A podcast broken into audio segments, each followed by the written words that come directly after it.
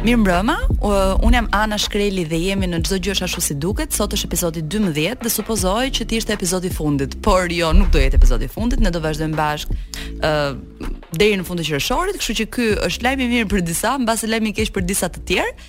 Unë kam në studio Sot kam Ardian Bebiun, Elona Pirën dhe Ilirin e Kolonialit si gjithmonë, të cilin ne kemi thënë që e quajmë Iliri Kolonialit, ëh, domethënë e identifikojmë me profesion. Hoqim emrin. Me me profesionin që ka. Ë uh, për se çfarë do flasim me Elonën dhe me Ardianin, do ta themi më vonë, mbas uh, këtij inserti të parë që e bëjmë gjithmonë në lidhje me pijet edhe me kulturën e pijeve dhe me sa të sa pije dashës janë njerëzit që ne ftojmë në studio, kam idenë që sot nuk e di pse kam idenë që nuk i kam shumë pije dashës në përgjithësi. Ë, uh, por jemi unë dhe ti Ilir që jemi goxha pije dashës, kështu që Po kjo është aftësia jonë që ne t'i bëjmë ato jo pije dashës, jo mbase Shumë të apasionuar, po që fillojnë ta prekun këtë si fushë. Se...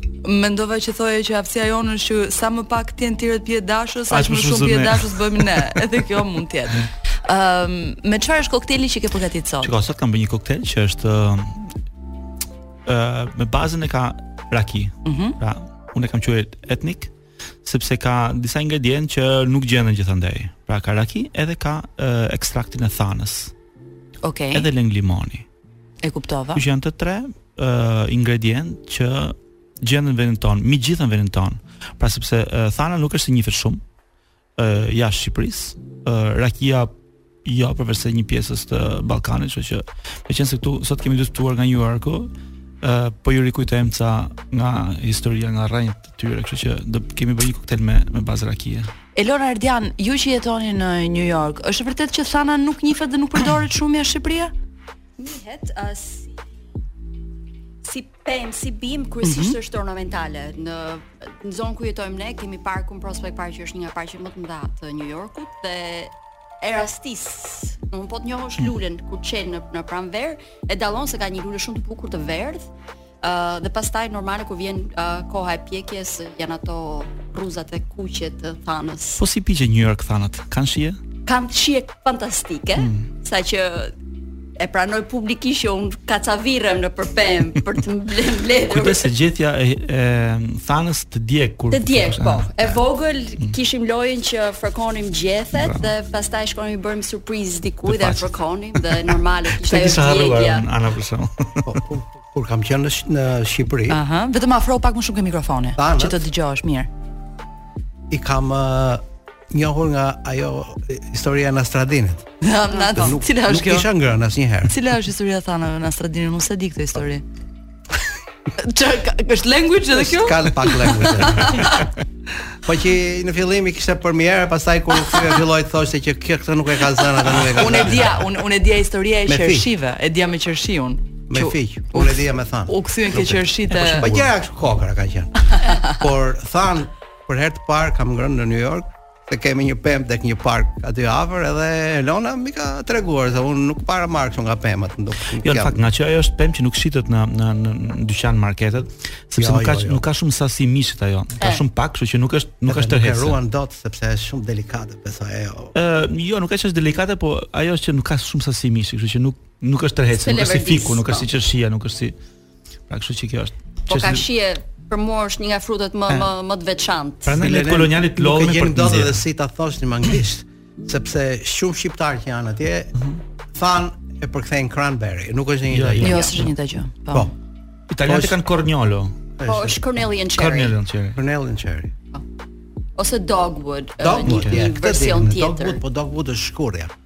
Apo. Po.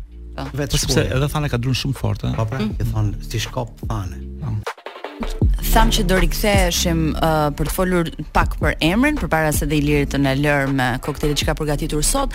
Ardian, ti çfarë mendon për emrin për emrin e këtij kokteli për shkak që quhet etnik? Nëse nëse ty dikush do vendoste të të qeraste, po themi me këtë koktel, çfarë do mendoje së pari? Po që ndonjë gjë, ndonjë aromë e gjetur kështu në mal.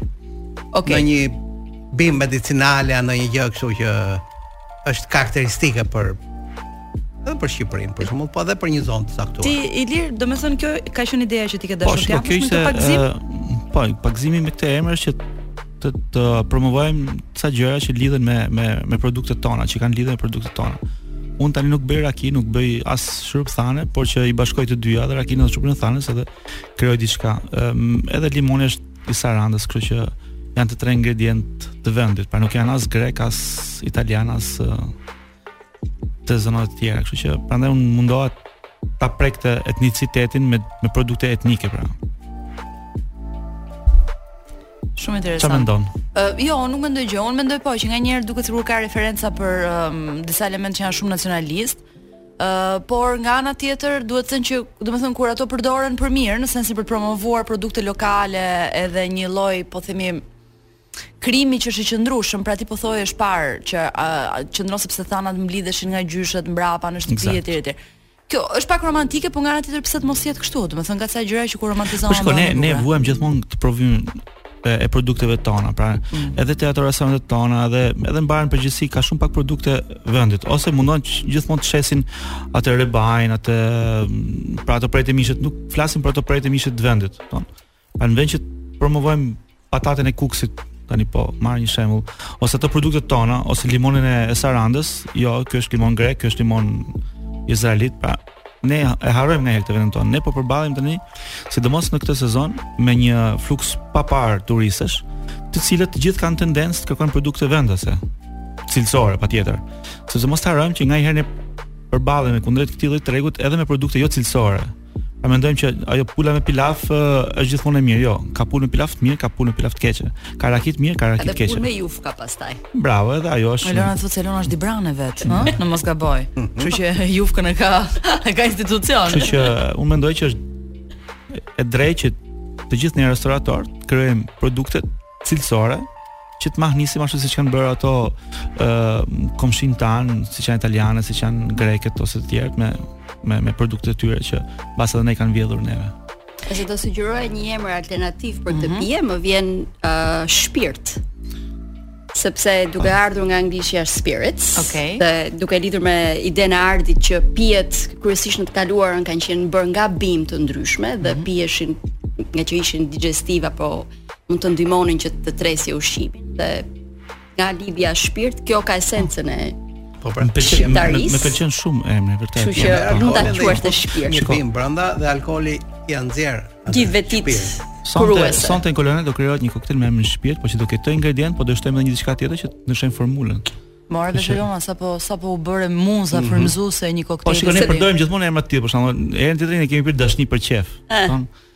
Pa ke përdorim uh... të sugjeroj lëngun e trëndafilit që sapo e kam nisur ta bëj vetë. Po, që... ta dashke për qejf, një nga ingredientët që ka edhe ekstraktin e trëndafilit, e të tjera. E, kemi disa kokteje me me mhm, ekstraktin e mhm. trëndafilit, kështu që kjo nis gjithmonë nga ajo që thamë më parë nga ato që gjyshet tona prodhonin dikur. Mm -hmm. Ato që prodhonin gjyshet ne tani i hedhim në bare dhe në restorante. Duke u frymëzuar nga kultura italiane më tepër, që ato që prodhonin gjyshet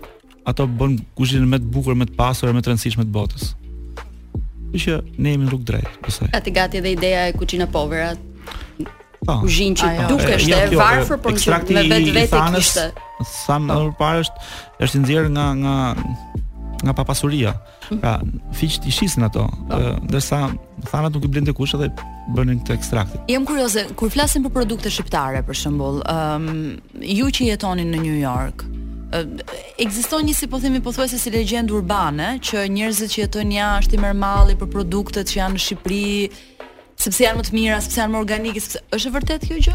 Apo është memoria e produkteve që kanë qenë përpara 90-s, nëse ekziston de facto diçka e tillë? Jam shumë kurioze. Këtu mund të them në New York edhe gjenden gjërat, kështu që pa. Po.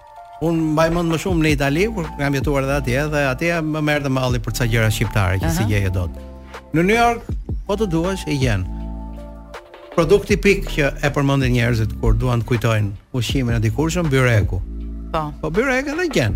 Bëhet kudo po. Pastaj byrek mund ta bësh edhe vet. Po s'e kam vetëm çështje gatimi, për shembull thonë që ku di unë domate, si domate të Shqipërisë dhe domethënë ekziston vërtet kjo gjë apo është më shumë një mit? Unë them që ekziston deri diku, ka të bëjë edhe efekti i Prustit me Madeleines, po skuqëm speca para dy ditësh dhe tash ja këtu vjen era ndryshe. Po Ardiane nuk duket shumë e bindur jo, për këtë. Jo, unë unë e lidh me Italinë, për shembull, kur nuk më pëlqen ndonjë gjë në New York, them në Itali kishte tjetër shije. E, po se të ka hyrë në mes. Ma ka pra. mbuluar ajo. Vërtet, ma ka mbuluar ajo.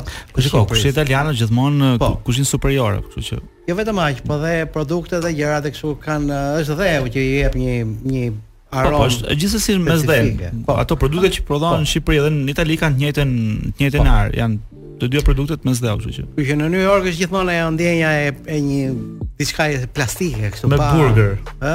Me burger. Plastike, gjithçka që nuk nuk është se të vret, kështu po që nuk i mungon diçka, i mungon ai shpirti. Domethënë po ta fusësh në alkool nuk lëshon asnjë gjë. Mm. Kurse kur duhet të kujtoj thash gjithmonë iu kthehem atyre të Italisë. Edhe në Shqipëri, po në Shqipëri un në Shqipëri un kam jetuar në vitet 70, 80, vitet 80, ishin vitet më të varfra në në historinë e Shqipërisë. Nuk kishte asnjë gjë. Domethënë as që bëhej fjalë për shije, për delikatesë. Gjithmonë ajo që ta kishe një copë mish ose një copë djathë, po ti. Të ngopje, të ngopje barkun. Kështu që nuk kam un kujtime nga ajo kohë në Shqipëri. Çfarë? Un kujtimet kam vetëm për frutat që kisha në kopsht, për shembull për një hurmë ose për një fik ose për uh, mushmolla. Vazhdoni, ju duhet thënë që ju këtu në Tiranë keni një aty. keni një një një vend, një hapësirë që Elona e quan Bahçe, ë sepse në fakt është bahçe. E kemi vënë në Google. E keni vënë e keni regjistruar është location. E kemi vënë në Google Maps. Bahçe. Në Bahçe, edhe të gjithë pavarësisht se shumë shtëpia mund të kenë bahçe, kur thua Bahçe mendon gjithmonë për Bahçe ajo Bahçe. Ka shpirt po, sepse ka diçka që një gjë merr vlerë edhe kur ti ja njeh vlerën, ëh, dhe ti ja ke njohur shumë vlerën sepse vazhdimisht mundohesh ta mbash gjallë frymën e Bahçes. Këto hurmat e muçmollat janë akoma në Bahçe? Hurmat jo më, muçmolla nuk ka bër, ka 2 vjet. Mm -hmm. Është aty, po nuk ka bër, nuk e di pse. Po ka portokall. Ka shegë. Do mbill një thanë? Patjetër. Një thanë? Ka pas një hurmë mm -hmm. të vogël, nga këto hurmat e vogla, hurmat arabike që deri vonë, uh -huh. jo, ajo nuk po. ka bër pastaj. Erdhi një shok mbolli një avokado, po nuk nuk zuri. ishte një eksperiment që ishte, nuk doli mirë. Ishte shumë fancy avokado për të zënë shumë. Ishte shumë u rrit e kështu, po gjithë ajo pemë e bukur e kështu, po nuk bëri fruta dhe pastaj vdiq. Ndoshta nga një ngricë ose kështu. Tani që erdhëm sivjet e gjetëm të tharë. Ishte një eksperiment shumë hipster. Ka ullinj. Hmm. Domethënë në sensin që nuk është Avokado nuk është vendas për. Po pra ai e e rriti vet në shtëpi, ky shoku e nuk nuk gjej dot as termat kështu me atë farën se ç'bëri nga dy kështu si e mbajti në ujë kështu kur krijoi një filiz të vogël, erdhi e solli dhe e mbolli aty. Edhe kujdesej, vinte e ujiste, kështu e bënte, po nuk Nuk është klimë për avokado aty tek ne. Jo, nuk është. Edhe më shumë në... për avokatë, për avokat. Për se për avokado. për avokat pa dyshim që është sidomos rrezikut që për rrezikut që i kanoset bahçes në Tiranë vazhdimisht po, po, është klimë po. për avokat. Tani, Ilir, unë të falenderoj shumë që ishe sot me ne. Uh, ne do vazhdojmë pimë koktelin tonë gjatë kohës do flasim pikërisht për pavarësinë e skenës kulturore në Shqipëri, pavarësinë e skenës kulturore që përfshin shumë përmasa, nga përmasat shkrimore, po themi deri përmasat tjera. Ë, siç ju thashë, tani kalojmë tek pjesa serioze e diskutimit, alkooli mënjanë. Unë kam të ftuar siç e thashë fillim Elona Pirën dhe Ardian Vehbiun, që janë dy administratorët e revistës kritike online Peizazhe të Fjalës, e cila tashmë ka hyrë në korrik do të mbushë 15 vjeç. ë uh, si është të mbushësh 15 vjet në këtë sipërmarrje ë uh, që është kaq personale dhe kam idenë që do të kërkojë shumë mund dhe shumë kohë mbrapa për ta mbajtur me ritmin që ju e keni mbajtur, duke konsideruar dhe faktin që ju nuk komisiononi shkrime. Pra në një farë mënyre shkrimet që ju vijnë janë shkrimet që vijnë sepse njerëzit realisht frymëzohen nga hapësira dhe duan të botojnë aty, por ju nuk komisiononi shkrime. Fakt është çikë e çuditshme të mendosh që janë bërë 15 vjet. ë uh, Revista nisi si blog, tani ka një përmasë tjetër, është kaq pjesë e përditshmes tonë saqë nuk nuk e imagjinoj domethënë si diçka që ekziston jashtë nesh. Më çohemi në mëngjes dhe shtrihemi në darkë me e bëre gati shkrimin, e mbarove, e, e bëre mm. gati për botim, ça do nxjerrim nesër, është kaq pjesë e jetës sonë sa është shkrirë, ë uh, ndoshta ndryshe edhe nga një fëmijë. Po, organizon ditën, është gati si si metronom i ditës sepse ka një orë kur duhet bërë gati shkrimi, ka një orë kur u duhen përgjigjur njerëzve që kërkojnë ndonjë gjë që pyesin që bëjnë.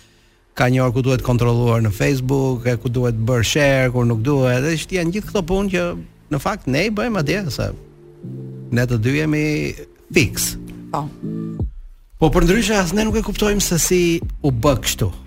Në kuptimin që ngaqë kanë kaluar 15 vjet dhe nuk ka pasur ndonjë moment hopi cilësor dramatik kështu për shembull që ta zëmë zgjeruam dhe morëm një kat të tërë për shembull në një Në një kullë të xhamt. Në një kullë. Jo, domethënë vazhdojmë me ato mjete që kemi pasur, por kemi shumë më tepër eksperiencë, kemi edhe shumë më tepër miq e bashkëpunëtorë, e kemi edhe shumë më tepër po, lexues, mendoj. Po, dhe lexues që kanë ardhur duke u rritur. Kështu që nga kjo anë nuk e kemi kuptuar mirë se si është rritur revista. Tash nisi si një si një blog, nisi si një në fakt si një dëshirë po flas për veten time, ishte dëshira ime që publiku lexuesi në Shqipëri ose lexuesi shqip, lexues, si me thënë shqip, që mm -hmm. lexon shqip, mm -hmm. të mhm. kishte një produkt kulturor të tillë që siç do të doja unë ta kisha. Un kam idenë që kjo është nismë mbrapa shumë gjërave të mira që janë bërë në historinë në përgjithësi. Domethënë njerëzit kanë tentuar të krijojnë ato hapësira të cilat nuk i kanë gjetur. Po. Në një moment kanë menduar, kanë thënë që ok, un do ta bëj këtë për veten time, po do ta bëj edhe për tjerët. Ë, duke qenë që ky është një podcast, është podcasti im dhe nuk është është një intervistë un mund të shpreh shumë mirë opinionet e mia dhe un realisht mendoj edhe kur po flisem me Elonën para përgatitjes së podcastit, Mendoj që Kontributi më i madh i peizazheve të fjalës në gjykimin tim është krijimi i asaj që quhet një hapësirë lirie mendimi.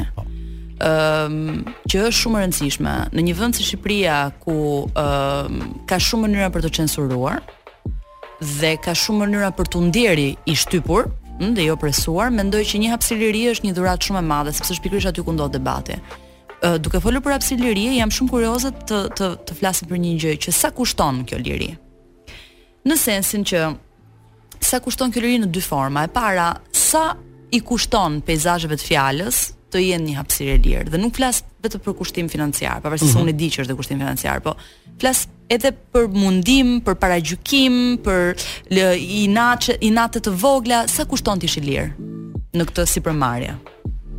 Nga ana financiare nuk do thoja që është një preokupim shumë i madh për këtë mënyrë siç e kemi tani.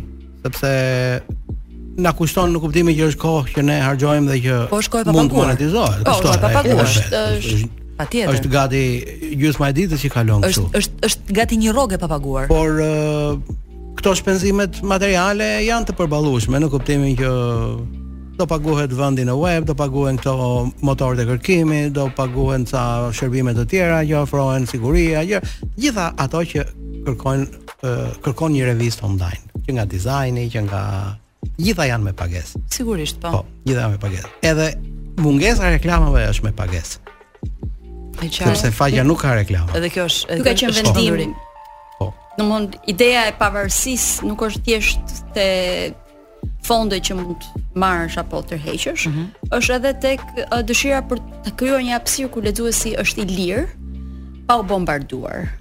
Uh, pa qenë në ndrysnin e një vajze lakuriqe që të del për të shitur birra korça apo më thon reklama të ndryshme që të gjen nëpër portale që ndoshta i lejon ato ato portale që që të ekzistojnë. Ndërsa për ne ka qenë vendim i prerë ë uh, për të mos ndërtuar një skemë të tillë, ë uh, për të krijuar pavarësinë për ne dhe për lexuesin. Domethënë me indiferencë ndaj klikimeve.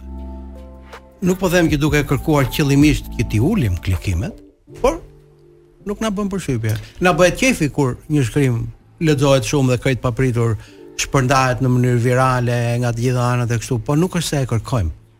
Uh, pra, që unë ta bëj pak më të qartë për lexuesin, sepse për, për lexuesin, shiko, për dëgjuesin. Mm -hmm. Sepse ne të tre në një farë mënyre jemi brenda peizazhit të fjalës. Po. Ju sigurisht sepse jeni admin, unë sepse kam vite që ju ndjek, kështu që në këtë moment jemi duke folur për një tjetër lloj pavarësie dhe mua më pëlqen t'i ndaj gradat e pavarësisë. Si do thotë, unë në fillim fola për atë që është pavarësia financiare, pra mhm. pavarësia nga financime publike, të cilat nganjëherë shpesh kërkojnë një lloj varësie të politikave editoriale. Ne këtë gjë kemi parë po. të ndodhur në dom, jo vetëm në Shqipëri, po në Shqipëri jetojmë, kështu që po flas për Shqipërinë.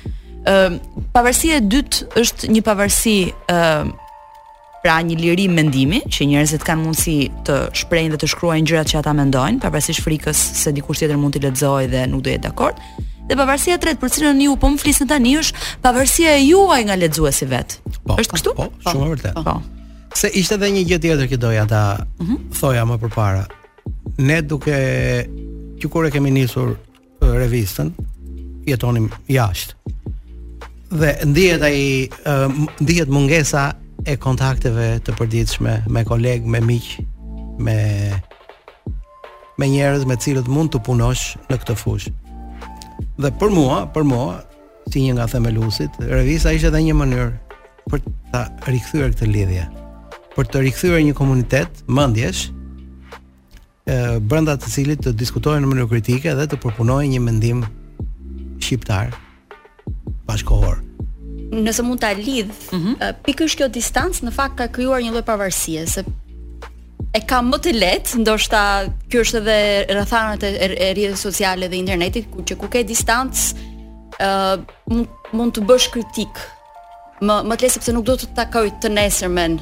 Po maksimumi do të të heqin nga Facebooku, po e, nuk nuk do e, përballesh në rrugë. Nuk do të po. përballem në rrugë. Kështu që kjo distancë sa ka qenë për të na afruar me Shqipërinë, me mendimin, me me kolegët, me, po. me njerëz që mendojnë njësoj, ka qenë edhe mënyra se si ne kemi ruajtur pavarësinë, kemi ruajtur lirinë e mendimit, sepse nuk e kemi ndier atë barrën që jo, se nesër unë do takoj si do ulem me të, si do pi një kafe, se do thotë jo po pse ma kritikove librin apo pse nuk ma pëlqeve filan politik njërën e tjetrën. Kështu që për ne kjo ka qenë në fakt shumë liri.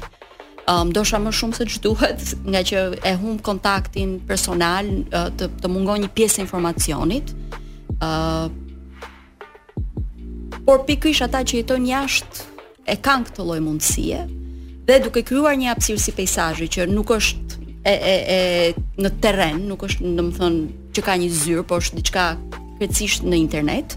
Um, besoj që edhe ata që jetojnë këtu kanë pasur një, një strofull, një vend ku mund të ndihen të lirë. Um, dhe në fillim fare një pjesë e mirë e shkrimeve kanë qenë me pseudonim.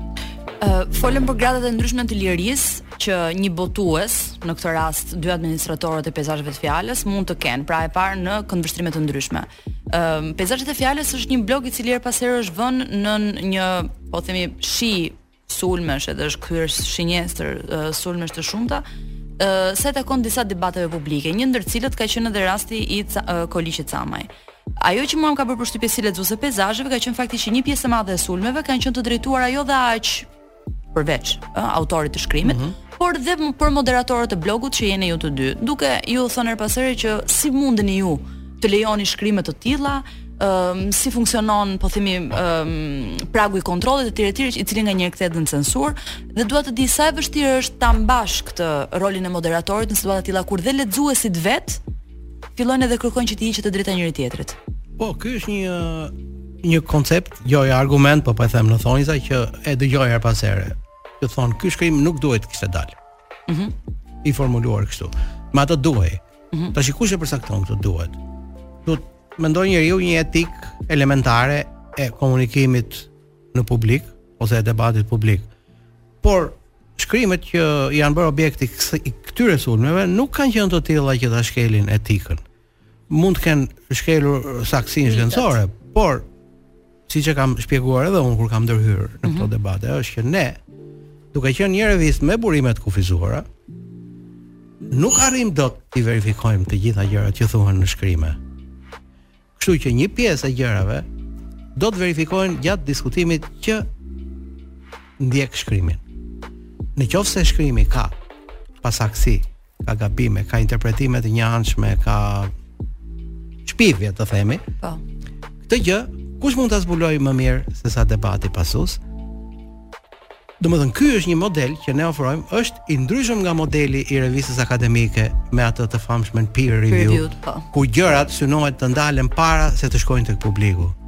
Peer review ka të tjera kërkesa ndaj një shkrimi dhe i plotëson s'i plotëson, kjo është debat tjetër. Ne nuk e arrijmë dot edhe të duam. Atëherë ne e vetmja gjë që garantojmë është që të hapim dyert për debat, siç edhe e kemi bërë.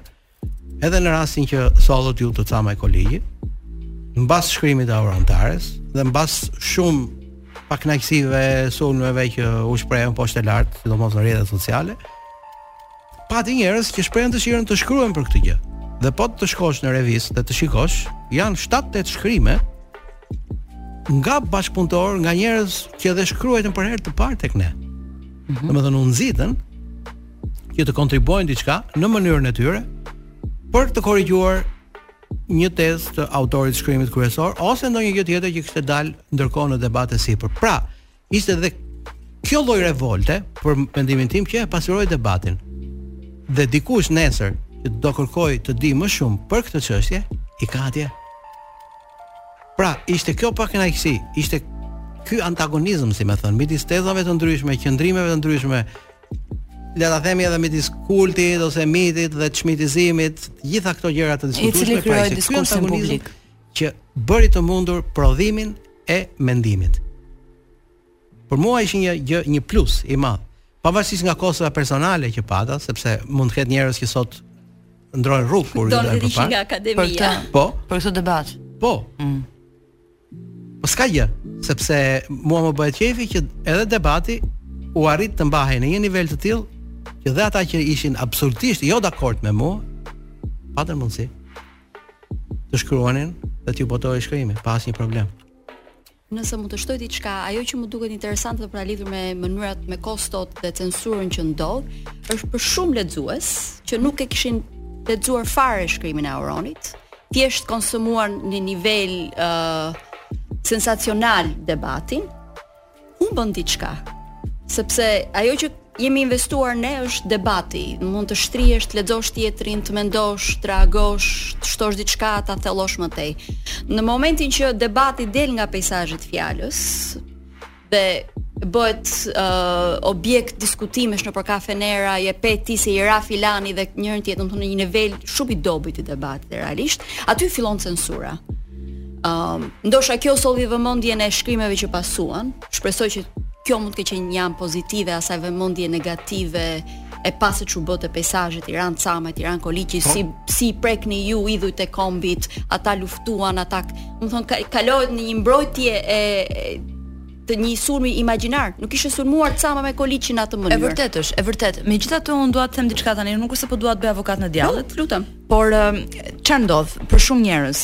Pse pse njerëzit janë nganjëherë mbase janë prekur nga kjo gjë. Dhe këtu nuk dua të merrem me ndjesitë që ata mund të kenë për Camajn apo Koliqin, të cilat kanë qenë dy figura që për shumë vite me radhë nuk nuk u lexuan, nuk u diskutuan etj etj, por kjo është një temë krejt tjetër. Ëm çështja është duket sikur Peizazhet e fjalës validon një argument.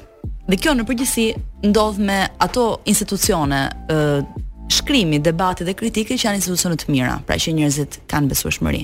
dhe që kanë krijuar hapësira lirie mendimi dhe që janë të pavarura nga politika etj etj dhe çfarë ndodh ë uh, kur ti mendon që Peizazhet e fjalës e validon një argument mm -hmm. dhe pastaj e gjen veten shpesh që një argument mund të duket i diskutueshëm të vjen keq për atë që e ka validuar të paktën unë kështu mm -hmm Ky është argumenti që unë kam marr nga njerëz të tjerë mbrapsht, që në thelb, mhm. pavarësisht të gjitha, pavarësisht se mund të jetë i gabuar, në thelb tregon dhe për besimin që njerëzit ja, kanë. Ja, vlerësim ashtu. Patjetër.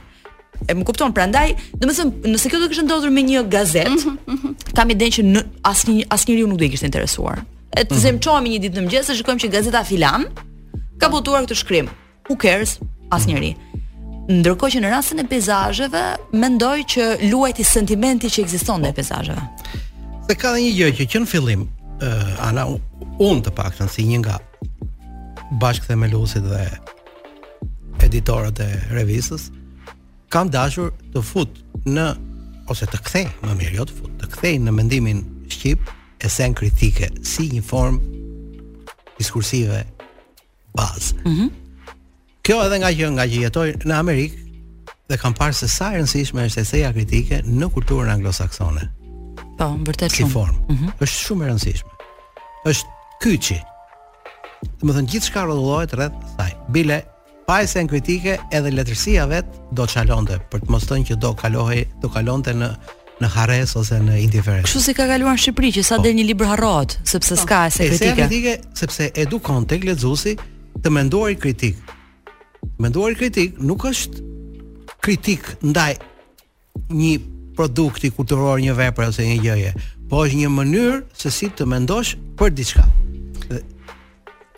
Kjo është kjo është shumë e bukur. Un uh, kam qejf që të vazhdojmë të flasim eh. për institucionin e kritikës dhe për mungesën e kritikës.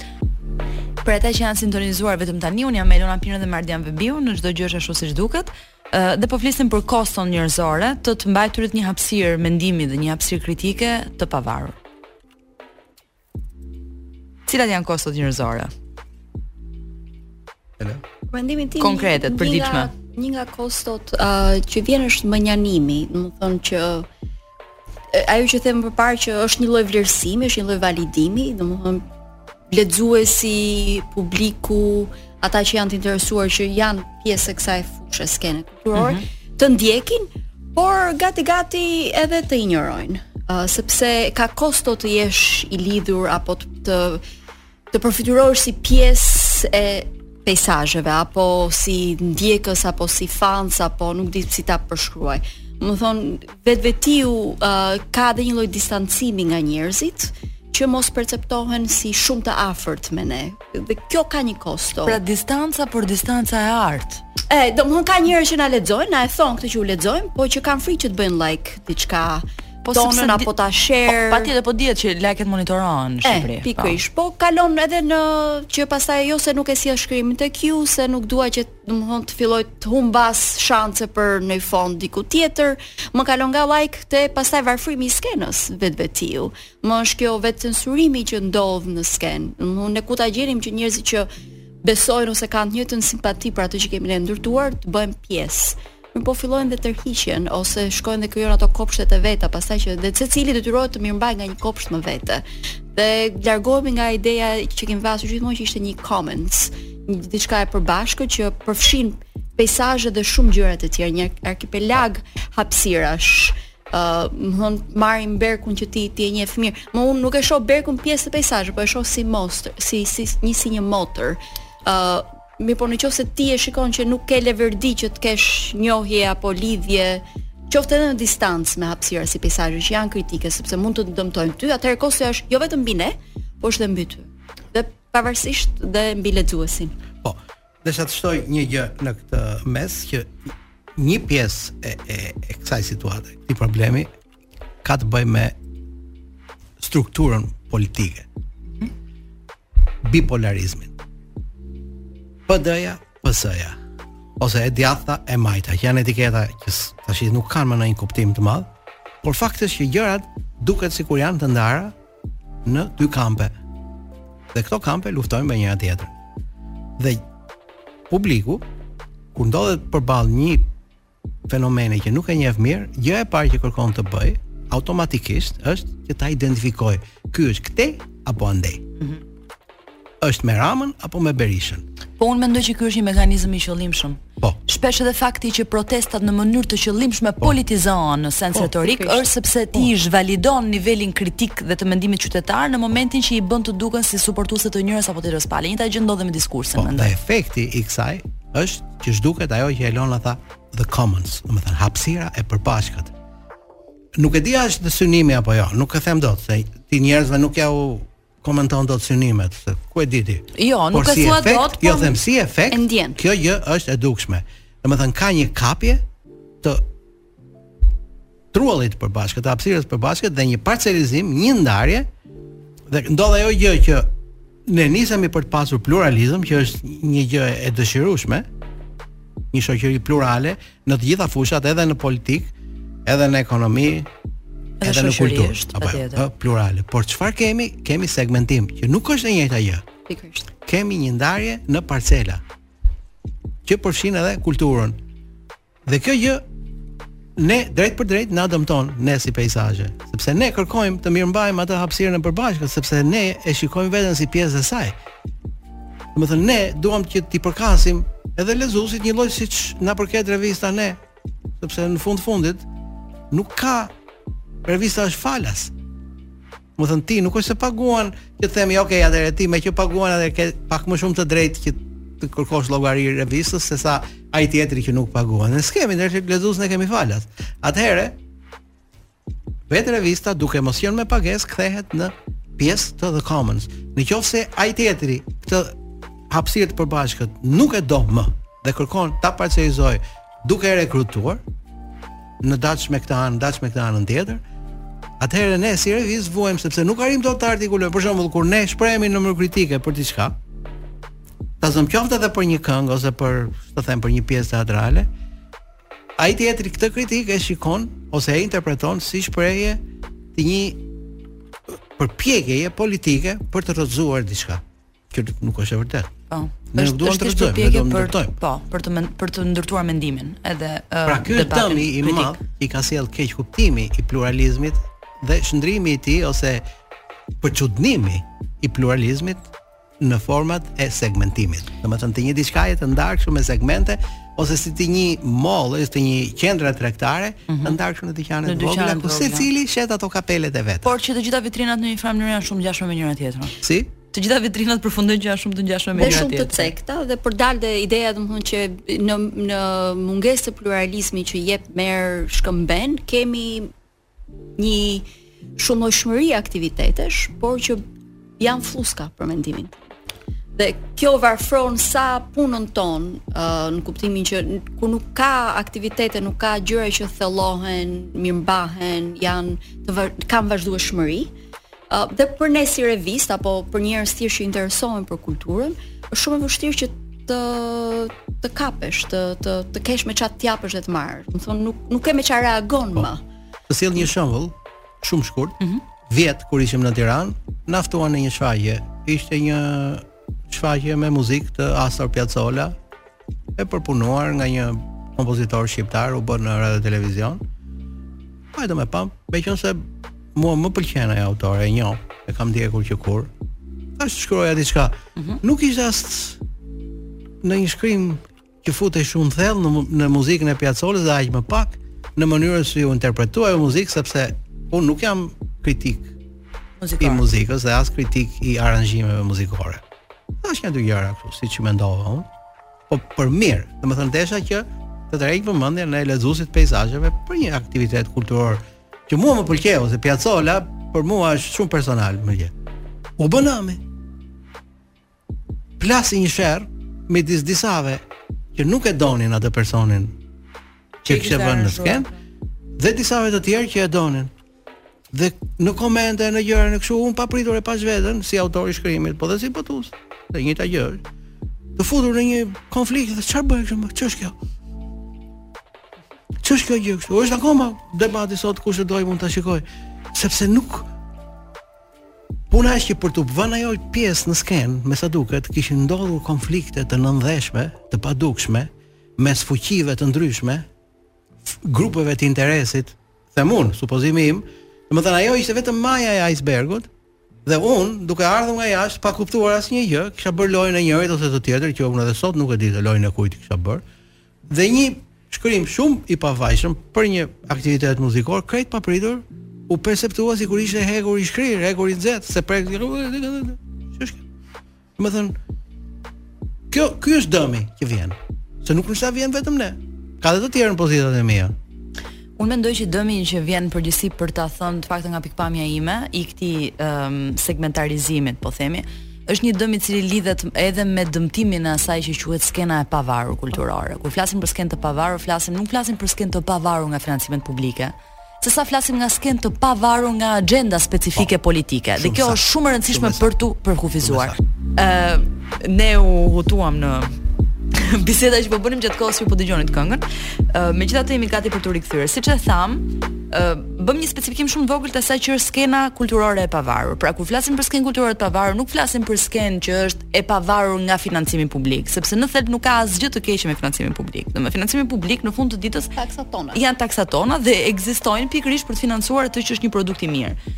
Kur flasim për skenë të pavarur, flasim për atë skenë që është skenë e pavarur nga direktivat politike. Pra një skenë e cila nuk ndikohet ë, nga linja që do të mbajë filan ministër, filan kryetar bashkie apo filan, nuk e di, uh, hartues politikash specifike të një partie ose të një tjetre kur po flisnim për segmentarizimin atë që unë mendova si një person i cili synon të jetë pjesë e skenës kulturore të pavarur, është pikërisht kjo që ne përfundojmë uh, duke dashur që të mos aso shpesh të mos merren fonde publike sepse të duket sikur pastaj në një farë mënyrë do të të orientojnë edhe në gjërat që ti duhet të thuash ose duhet të botosh ose duhet të mbështesësh etj etj.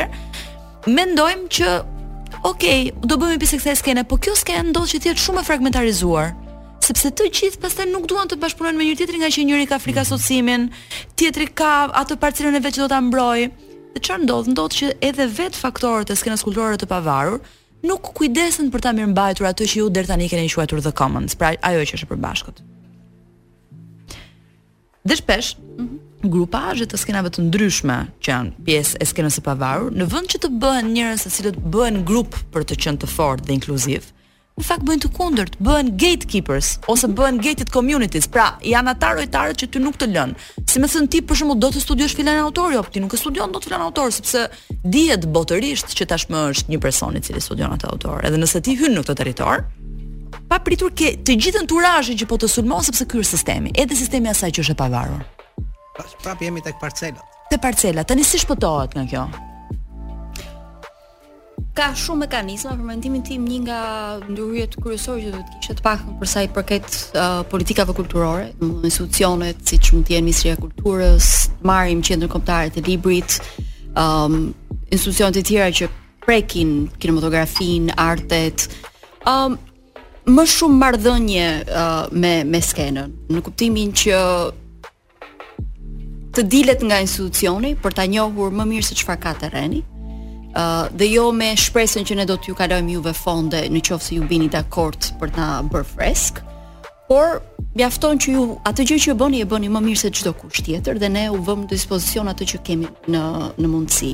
Qoftë para, qoftë ekspozim, qoftë mundësi bashkëpunimi. ë uh, Për mendimin tim, mundësitë e bashkëpunimit janë po aq të vyeshme sa dhe vet parat, sepse mënyra se si është ndërtuar skena është ti merr një fond, shkon ndërton diçka, mbjell aty ke kopshti jot dhe do korrësh vetëm aty ke kopshti jot.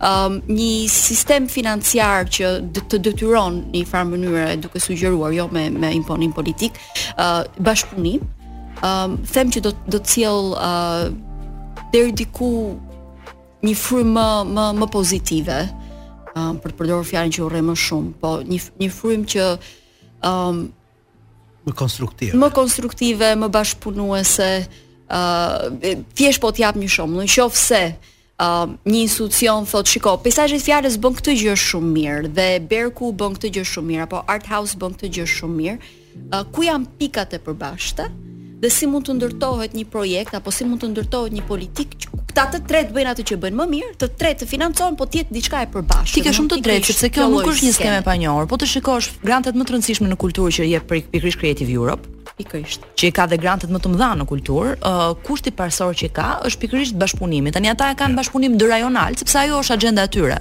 Është afrimi i vendeve um, të vendeve që nuk janë pjesë e EU-s, me ata që janë pjesë e EU-s, duke zgjedhur një partner lead etj etj. Por në thelb, është ideja e bashkëpunimit, pra ti duhet të jesh tre institucione që hyn për ta fituar këtë projekt, që në thelb është shumë konstruktive. Po. Që për shembull një një, një skem thjesht uh, e thjesht, në qoftë se un jam qendra kombëtare e librit dhe leximit dhe zgjedh të financoj 8 libra që do të botohen, Njëkohësisht zgjedh 2-3 partner revistash, peizazhe njërën tjetrën dhe them, për këto 8 8 libra që do botohen, Dua që të keni një bashkëpunim me këtë revistë që ata të bëjnë një recension. Kështu që ti mirëmban dhe skenën e botimeve, por mirëmban dhe anën kritike të revistave, sepse peizazhet më vete mund ta bëj këtë gjë dhe e ka bër. Por ti jep një krah, jep një mundësi. Ti nuk i imponon që ti duhet t'i bësh patjetër recensë, por i krijon një mekanizëm që në qoftë se do të marrësh pjesë po, e bën. Po, dhe kështu edukon kulturën. Nga ana tjetër ka dhe diçka që dhe ato organizma, po themi, të pavarur të kulturës të cilët janë më mjeshtra ose me thënë ndryshe më specialistë për të fituar fonde, po. që sigurisht që janë disa që janë më të mirë se sa të tjerë po. për të aplikuar për fonde, sepse dhe fondet kanë një ekuacion të vetin, domethënë nuk është edhe nuk është se duhet të jesh shumë kreativ, por duhet të jesh i saktë. Ëm um, mbase duke përfshirë entitete më të vogla të sapolindura etj etj në projektet që bëjnë japin mm -hmm. një mhm. dorë dhe në fund çfarë bëjnë thjesht sa forcojnë skenën. Kjo është një gjë që në fund unë realisht Ardian dhe Elona realisht pyes veten ë uh, dhe realisht e besoj. A është e vërtetë që forcimi i skenës së pavarur kulturore është në të njëjtën kohë forcimi i demokracisë vendore? Unë mendoj që është. Tom. Sepse është edukim. Tim të pluralizmit. Kisha një gjë për të po. shtuar, se kur flitet për financime publike. Mhm. Mm ne nuk kemi pasur deri tani. Po. Por formula jonë është e tillë që e lejon këtë gjë. Domethënë ne mund ta mbajmë. Patjetër që po. pa marrë para publike, por ka aktivitete kulturore që nuk mund të kryhen pa një financim publik. Kështu që për mendimin tim, kjo duhet theksuar që nuk është i keq financimi publik, shpesh është i domosdoshëm. Aq më tepër në kushtet tona, ne nuk jemi mësuar të marrim financime nga entitete private. Mhm. Mm siç mund të jetë në Amerikë për shembull është një fondacion që ka fondacion privat po ka edhe këtu po e kam fjalën kultura jonë është që shteti i mbështet këto gjëra dhe kulturën patjetër duhet ta mbështesë shteti nuk mund të mbijetojë kultura në Shqipëri Po jo vetëm në Shqipëri gjithandej, për shembull, të them një gjë për kuriozitet Ufici, Ufici në deklarimet që bën çdo vit del me humbje. Po. Asnjeri nuk i thotë Uficit pse nuk del ti me fitime. Po. Kupton sepse kultura është një gjë për cilën ti investon sepse ajo po. returnin e ka shumë të gjerë dhe e ka në nivel shoqëror, është edukimi, është po, fakt. Po vetëm të vetëm të shikosh numrin e nxënësve dhe studentëve që vijnë çdo ditë tek ne për të konsultuar arkivin tonë. Çdo ditë. Po ne kemi 15 vjet që e mbajmë të hapur. Ky është një shërbim publik që ne bëjmë. Nuk është qëllimi ynë, po është efekt i faktit që ne e mbajmë revistën të hapur për të gjithë. Domethënë në këtë rast përfitimi i publikut është i tërthortë, por sërish është i rëndësishëm. Dhe për të vazhduar me temën që si t'i koordinojmë ato veprimtaritë e vogla kulturore, Një gjë me rëndësi për mua është fjala, domethënë diskursi për kulturën. Diskursi për kulturën i qep të gjitha bashkë. Ardian, po thoje, uh, filli që mund t'i lidhë të gjitha këto uh, halka, po themi, të skenës së pavarur kulturore është fjala. Fjala. Që do të thotë? Gjithon anglisht, domethënë, një diskurs përfshirës kritik. Po jo kritik që t'i rrëzojë, por që t'i analizojë, t'i krahasojë me njëra-tjetrën, të shikojë se çfarë po ndodh, të shikojë çfarë ka të re, të shikojë çfarë po ruhet, çfarë nuk po ruhet, çfarë po vjen nga jashtë, kush ndikon kë, domethënë gjithë ky lloj diskursi, gjithë ky proces kritik që duhet t'i jepet publikut në mënyrë që publiku të kuptojë se çfarë po ndodh me kulturën. në tërësi, sepse dukuritë kulturore që ndodhin në skenën kulturore të varur e të pavarur, të gjitha këto duken sikur nuk kanë lidhje me njëra tjetrën. Në një vend bëhet një koncert, në një vend tjetër bëhet një shfaqje teatrale, në një vend tjetër mblidhen njerëz për një bisedë. Por në momentin që nuk kanë lidhje me njëra tjetrën ato dështojnë.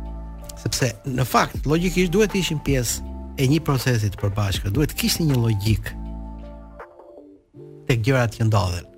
në pluralitetin e tyre. Kur thua proces thua një fill përbashkues? Nëse t'i vë në dialog jo me njëra tjetrën. Jo temë. Po, jo temë, jo temë e përbashkët, jo po. temë e përbashkët, po çfarë po bëhet në këtë skenë? Domethënë është ajo që thuhet gjithmonë që nëse një pemë bie dhe nuk ka njeri ta dëgjojë, a ka rënë pema? Çfarë po ndodh? Domethënë, nëse ti nuk shkruan, nëse ke një hapje në galerinë kombëtare dhe nuk ke një person që ta përcjellë, të lidhë Filan artist me traditën, njërën tjetër me kë jep me kë merr. Më vjen mendja që kultura duhet të jetë organike. Organike është siç është trupi. Okej. Që ty të shpon në këmbë dhe ti e ndjen këtu. Në kuptimin që është një trup i cili reagon në mënyrë holistike të përbashkët, ndaj një diçkaje që ndodh nga jashtë ose nga brenda. Po të ketë organicitet, domethënë të ketë një sistem kulturor Dhe këtë sistem e siguron vetëm fjala. Domethënë fjala e një diskursi refleksiv mm -hmm. për kulturën. Peizazhet ka pretenduar që ta bëjë, por vetëm peizazhet nuk e bën dot. Domethënë, ne nuk jemi megalomanë, nuk jemi deluzionalë, e dimë se sa mund të bëhet. Shpresa jonë ka qenë që nëpërmjet peizazheve të ofronim një model që ta merrnin edhe të tjerë.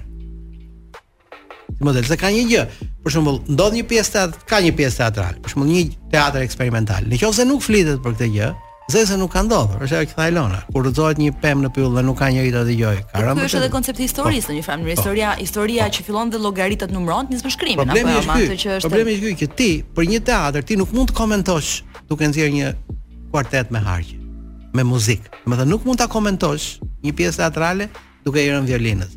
Do duhet fjala. Fjala Logos, është pra fjala është ajo që i lidh të gjitha dhe i shndron në sistem. Edhe dukuri që fillojnë si të shkëputura, mm -hmm. fjala ju mundëson konvergjimin. Domethënë i afron me njëra tjetrën dhe i bën pjesë të asaj skene kulturale të përbashkët. Ky që prandaj për mua ka qenë si diskursi kritik. Jo për të kritikuar, për të thënë që pse nuk bën kjo gjë dhe pse ai autori është sekondar ose epigon i këtij tjetër. Dhe kështu janë këto janë gjëra të vogla të parëndësishme. Po dhe po të janë sekondar, un ja, un jo sekondar. Mua mua për shembull nuk më është dukur kurrë ofensiv termi autor minor. Nuk ka asgjë të keq me një autor minor. Ë uh, madje mua më duket sikur shpesh autorët minor, për shembull, po flas për rastin e sekondarit, minorit e me radhë, shërbejnë pikërisht për të kuptuar fermentin kulturor në cilin mm -hmm. është ngjizur ky autor i madh, sepse autor i madh po, po e kam fjalën, kupton ça dua të them, janë ca figura në letërsi që tentojnë të jenë më hijerënda se ca të tjera, ë ose më të rëndësishme se disa të tjera. Që vjen edhe si si si rregull i disa normave kulturore, ë dhe disa i disa politikave specifike në me raste me radhë. Po ajo që unë kam mbi cilën kam reflektuar për shembull këto kohë është pjesa e gjithë enturazhit të madh të Kutelit, Lasgushit, Asdrenit, Çabejt e me radhë. Mm -hmm. Po të lexosh letërkëmbimet e tyre, kupton që në fakt ai ka qenë një qerthull njerëzish. Shiko, Ana, ta them unë një një krahasim që mm, po, do të të vënë tu. Kjo duhet përfytyruar si një orkestër. Okej. Okay. Në orkestër ke një violina e parë dihet, mm -hmm. është ajo që është. Por çdo muzikant ka vendin e vet. Këtë dua të them autor po. minor. Po. Çdo muzikant ka vendin e vet. Nuk ia zë vendin një muzikanti tjetër. Mm -hmm. Ka vendin e vet. Ka eksaktësisht bën atë që duhet të bëjë. Pyetja ime është a mund të ekzistojë për shembull, ëm, um, a mund të ketë një prodhim shumë të mirë kulturor pa patur një ferment të tillë, pra pa patur qarqe, pa patur rrethe, pa patur njerëz me të cilën këto eksperienca dhe ide debate të shkëmbehen e me radhë. Jo, për mua. Po sepse jo. nuk mund të lindi nga hiçi, këtë dua të them dhe po, unë. Për mua jo. Në momentin që nuk ka një një një tokë të fermentuar, ku të gjithë japin dhe marrin me njëri tjetrin, të gjithë agjentët kulturorë, po themi a mund të po, ngrihet. Është kjo që ne e kujtojmë ne. Domethënë njerëz, shumë njerëz e kujtojnë me nostalgji kur i referohen periudhës së totalitarizmit, po. realizmit socialist në art e kulturë. Mm -hmm. Sepse atëherë kishte një sistem të tillë. Pavarësisht se ai sistem i shërbente propagandës, domethënë në fund fundit, shkrimtarët dhe artistët ishin ndihmës të partisë për edukimin komunist të masave punonjëse, kështu po. thuhej. Po ama ky sistem ishte i tillë që e realizonte këtë gjë duke evidentuar vlera, cilat vlera, ato vlera që i shërbenin regjimit, por regjimi dhe i mbante këta njerëz, i financonte, i mbështeste, i bënte. Ishte një sistem, ishte një sistem në llojin e vet, Mund të thuash pervers sa të duash, por ishte një sistem që funksiononte. Këtë gjë e ndjejmë ne që mungon sot. Duke filluar edhe që nga një gazetë si Drita. Gazeta Drita atëherë ishte si ishte, po ishte funksionale. Ishte në qendër të një fermenti kulturor real. Kurse sot nuk ka organe të tilla. Ka gazeta kulturore, gazeta, revista letrare, e shikon dhe online e kështu. Unë edhe kam shkruar në Peizazhe për këtë gjë. Duken po aq sa shfaqen. Kjo edhe kjo është interesante si temë, fakti që mbijetojnë aq kohë sa kanë po. financimin, pastaj kanë tendencën të shndërrohen papritur në një gjë që s'ka pas lidhje me të parën. Ose vdes, dhe ti e shikon që shkrimi i fundit për shembull ishte i vitit 2019. Është është shumë e trishtë. Është shumë e trishtë. Ti mund të numërosh pafund se sa të tilla ka. Jo, edhe unë mund të numëroj pafund po. sepse i kam i kam parë dhe i kam lexuar di që përgjithsisht pak kanë vdekur, pjesa më e madhe janë mirëmbajtur, kanë gjetur veten duke i bërë tamtame ndonjë figure po, të caktuar. Ka dhe një gjë që dua ta them se janë kaq shumë gjëra që duhet thënë në fakt një ka është zhvilluar një koncept tani për mua i dëmshëm që e e redukton kontributin kulturor në performativ. Domethënë ti bën evente. Janë pa fund, po, janë kudo, janë po, gjithandej. Ti bën evente. Ti bën një libër Dhe nuk ka rëndësi se ça ke shkruar në atë libër. Rëndësi ka që libri u botua dhe u bë prezantimi. Promovimi i librit. Promovimi është më i rëndësishëm nga gjithë. Mbaroi. Kaq mbaroi, domethënë gjithçka është performativitet dhe performativiteti i rafshon vlerat po, komplet. Po kjo është në kuadër të shoqërisë së spektaklit, po. patjetër. Po, I rafshon vlerat dhe e vdes kulturën. Se mjafton të jesh atje, bëhet aktiviteti. Prandaj ke lloj lloj grupe, shoqatash, ç'të të them unë ty, gjejnë ca fonde të vogla, Dhe mua kjo më ka bërë të mendoj së fundmi ka shumë njerëz që ankohen që kultura në Shqipëri nuk ka financim. Unë nuk e besoj këtë. Jo, ka ka më shumë se ç'duhet. Për mua kultura në Shqipëri ka financim, por ka keqdrejtim të fondeve. Domethënë, në sensin që këtu lek ka, mendoj unë. Fakti që unë çdo ditë përmbytem nga ftesa dhe njoftime eventesh dhe ndodhish dhe ngjarjesh që zhvillohen në kryeqytet, që dhe ky është një turp në vete, fakti që Të gjithë kanë tendencën që t'i organizojnë në kryeqytet gjërat, po. ndërkohë që ne siç e dimë rrethet janë një pjesë e madhe janë totalisht të lëna pas dore sa i takon të paktën eventeve të librit, mm -hmm. ato që kam ndjekur unë se mbase të tjera mund të ketë, nuk jo, e di. Jo, jo, ja disa, ndonjë gjë muzikore që bëhet në Shkodër, në Korçë kështu po. Po, po edhe aty kanë tendencën që të bëhen në mënyrë organike, pra bëhen nga njerëzit vetë, po tjetër te, tjetër temë kjo. Dua të them fakti që ka kaq shumë evente tregon që financim ka. Para ka, sepse Këta njerëz sigurisht mblidhen me njëri-tjetrin. Çështja është që për mua janë të keqdrejtuar. Nuk është organike, është organike. Njëri gojë si aty pat kohë. Dhe prandaj, për t'u kthyer tek ajo që po flisnim me Elonën, është shumë e rëndësishme që sa i takon financimit dhe kjo nuk varet vetëm nga financimi që jep shteti, jo, kjo varet nga financimet që japin organizata të tjera, të mëdha të cilat shpesh edhe e kanë krijuar skenën kulturore në Shqipëri në momente specifike në fillim të tranzicionit etj etj. Ajo që është e rëndësishme është që ti të shikosh realisht a kanë vazhdimësi dhe a kanë, domethënë a kanë a kanë aktivitet përpara marrjes së financimit. Uh, siç e premtova në në fund të çdo epizodi lexojmë uh, një tekst që mua më pëlqen uh, është një tregim i cili quhet një kërmë fenomenale. Kur vdiq regjimi i vjetër, u mblodhëm të gjithë për ta kundruar. të shtrirë siç ishte në mes të bulevardit, ende të ngrohtë, por tashmë duke u ftohur. Njëri prej nesh bëri t'i kacavirrej sipër dhe të valëviste atje një si flamur të improvizuar, por me gjysmë zemre, duke pritur që të tjerët t'i thoshin zbrit, nuk ia vlen, mos e trazo më tutje. Heshtja e përgjithshme i shkurajoi gjestet plateale të mëtejshme. Po tani, pyetën shumë nga ne. Ç'të bëjmë me të tani, veçse ta fotografojmë për librat e historisë? Duhet varrosur, tha një i urtë, duhet djegur, tha një i urtë tjetër. Ta coptojmë dhe le të marrë gjithsekush një suvenir me vete në shtëpi, tha një i urtë i tretë. Ta hamë, tha një i uritur. Ta pjekim dhe ta hamë mu këtu ku është. Atë që mbetet ta bëjmë pastërma, dimri po afrohet. U ulën inxhinierët dhe llogaritarët. Nuk e futim dot në dhe, thanë, sepse nuk i kemi mjetet, as mundësitë për të hapur gropën që do ta nxërë.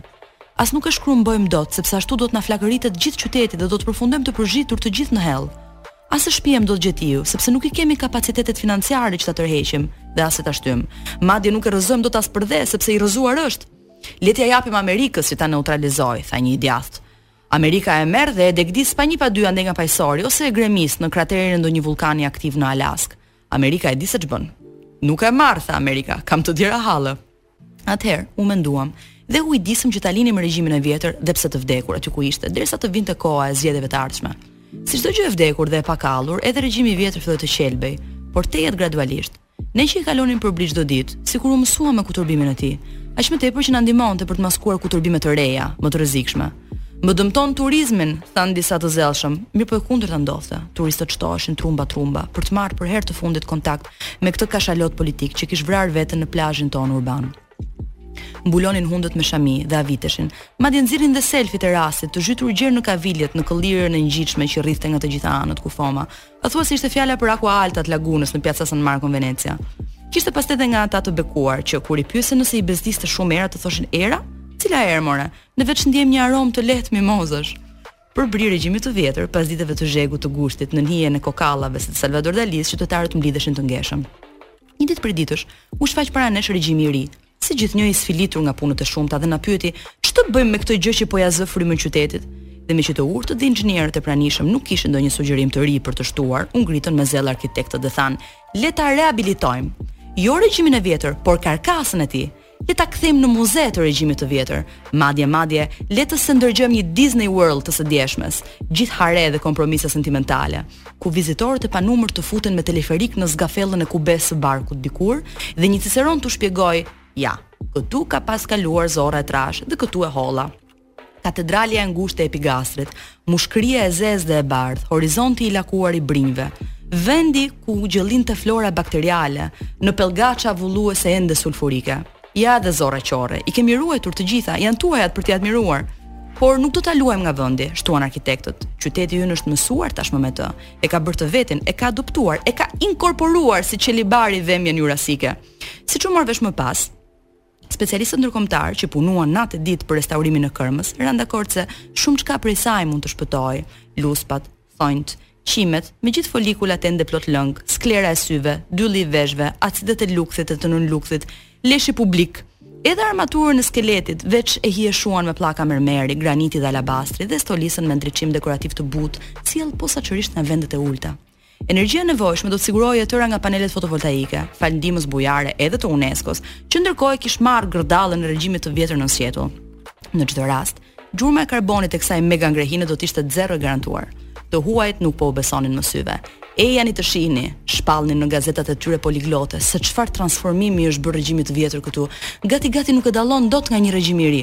Tashmë brenda karkasës së ish behemothit llamburitnin shfaqjet prej yjeve stroboskopike të skenës dhe të prapaskenës, teksa në skutat më të errëta të baqthit prushonin e gumëzhinin kazinot gjer ndaj të gdhirë.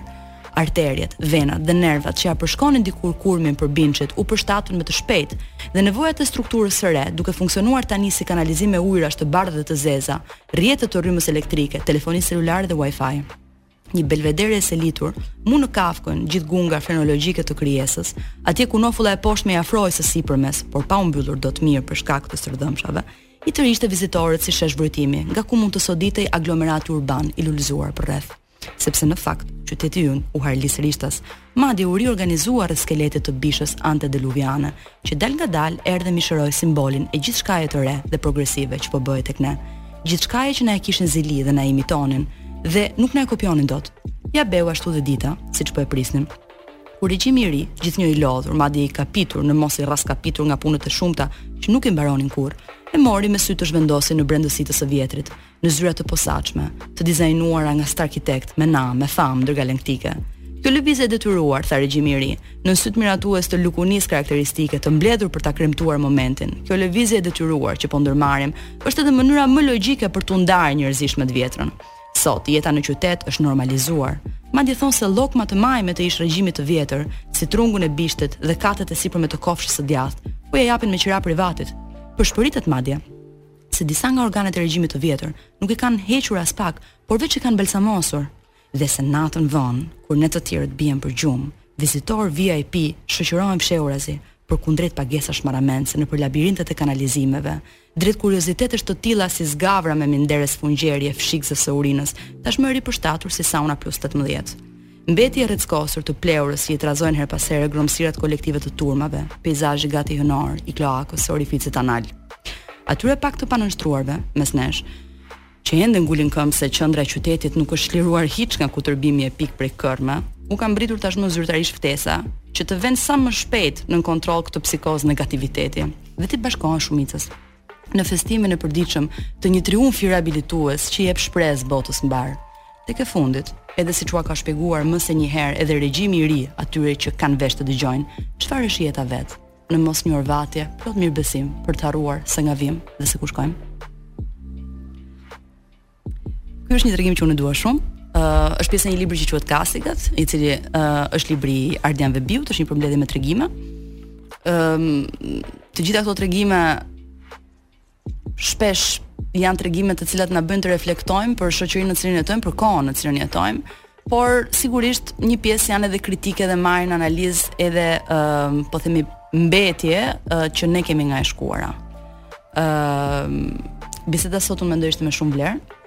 Më shumë se sqaruese mendoj që ishte një bisedë e cila krijoi pikëpyetje uh, unë për vete kur të shkoj në shtëpi do kem marrë me vete shumë nga këto pikëpyetje të cilat shpresoj që të më hapin edhe deriçka të vogla rreth mendimeve të reja, zgjidhjeve të reja. Besoj që e njëjta gjë ka ndodhur edhe për njerëzit që na kanë dëgjuar dhe do na dëgjojnë edhe në në versionin online. Nuk e di nëse ju u kënaqët. Edhe për ne, edhe ne do shkojmë me pikëpyetje. Tash. Dhe për ta lidhur me fjalën, uh, mhm. pjesa mm -hmm. që sapo lexove më kujtoi uh, autobusin tek Lana. Mhm. Mm dilema të ngjashme me kërmën që na mbeti në dorë dhe ekspozitën te COD Leviathan. Thën kjo, ë që janë dy regards dy komente të Elonës. ë uh, unë mendoj që nuk na mbetet gjë tjetër përveç se të urojmë natën e mirë, të shpresojmë që tregimi ju ka pëlqyer, të mendojmë që sigurisht duhet të vazhdoni të lexoni, të lexoni blogun, të kremtojmë 15 vjetorin e peizazheve, të lexoni libra, Të lexoni kritika dhe megjithatë mos i merrni shumë seriozisht nganjëherë në nivel personal kritikat, se nuk janë kurrë sulme personale, janë thjesht ftesë për për mendim. Kështu që ne bashkë do ridëgjohemi të enjten që vjen. Faleminderit shumë të gjithëve edhe deri atëherë, mirë u dëgjofshim. Faleminderit.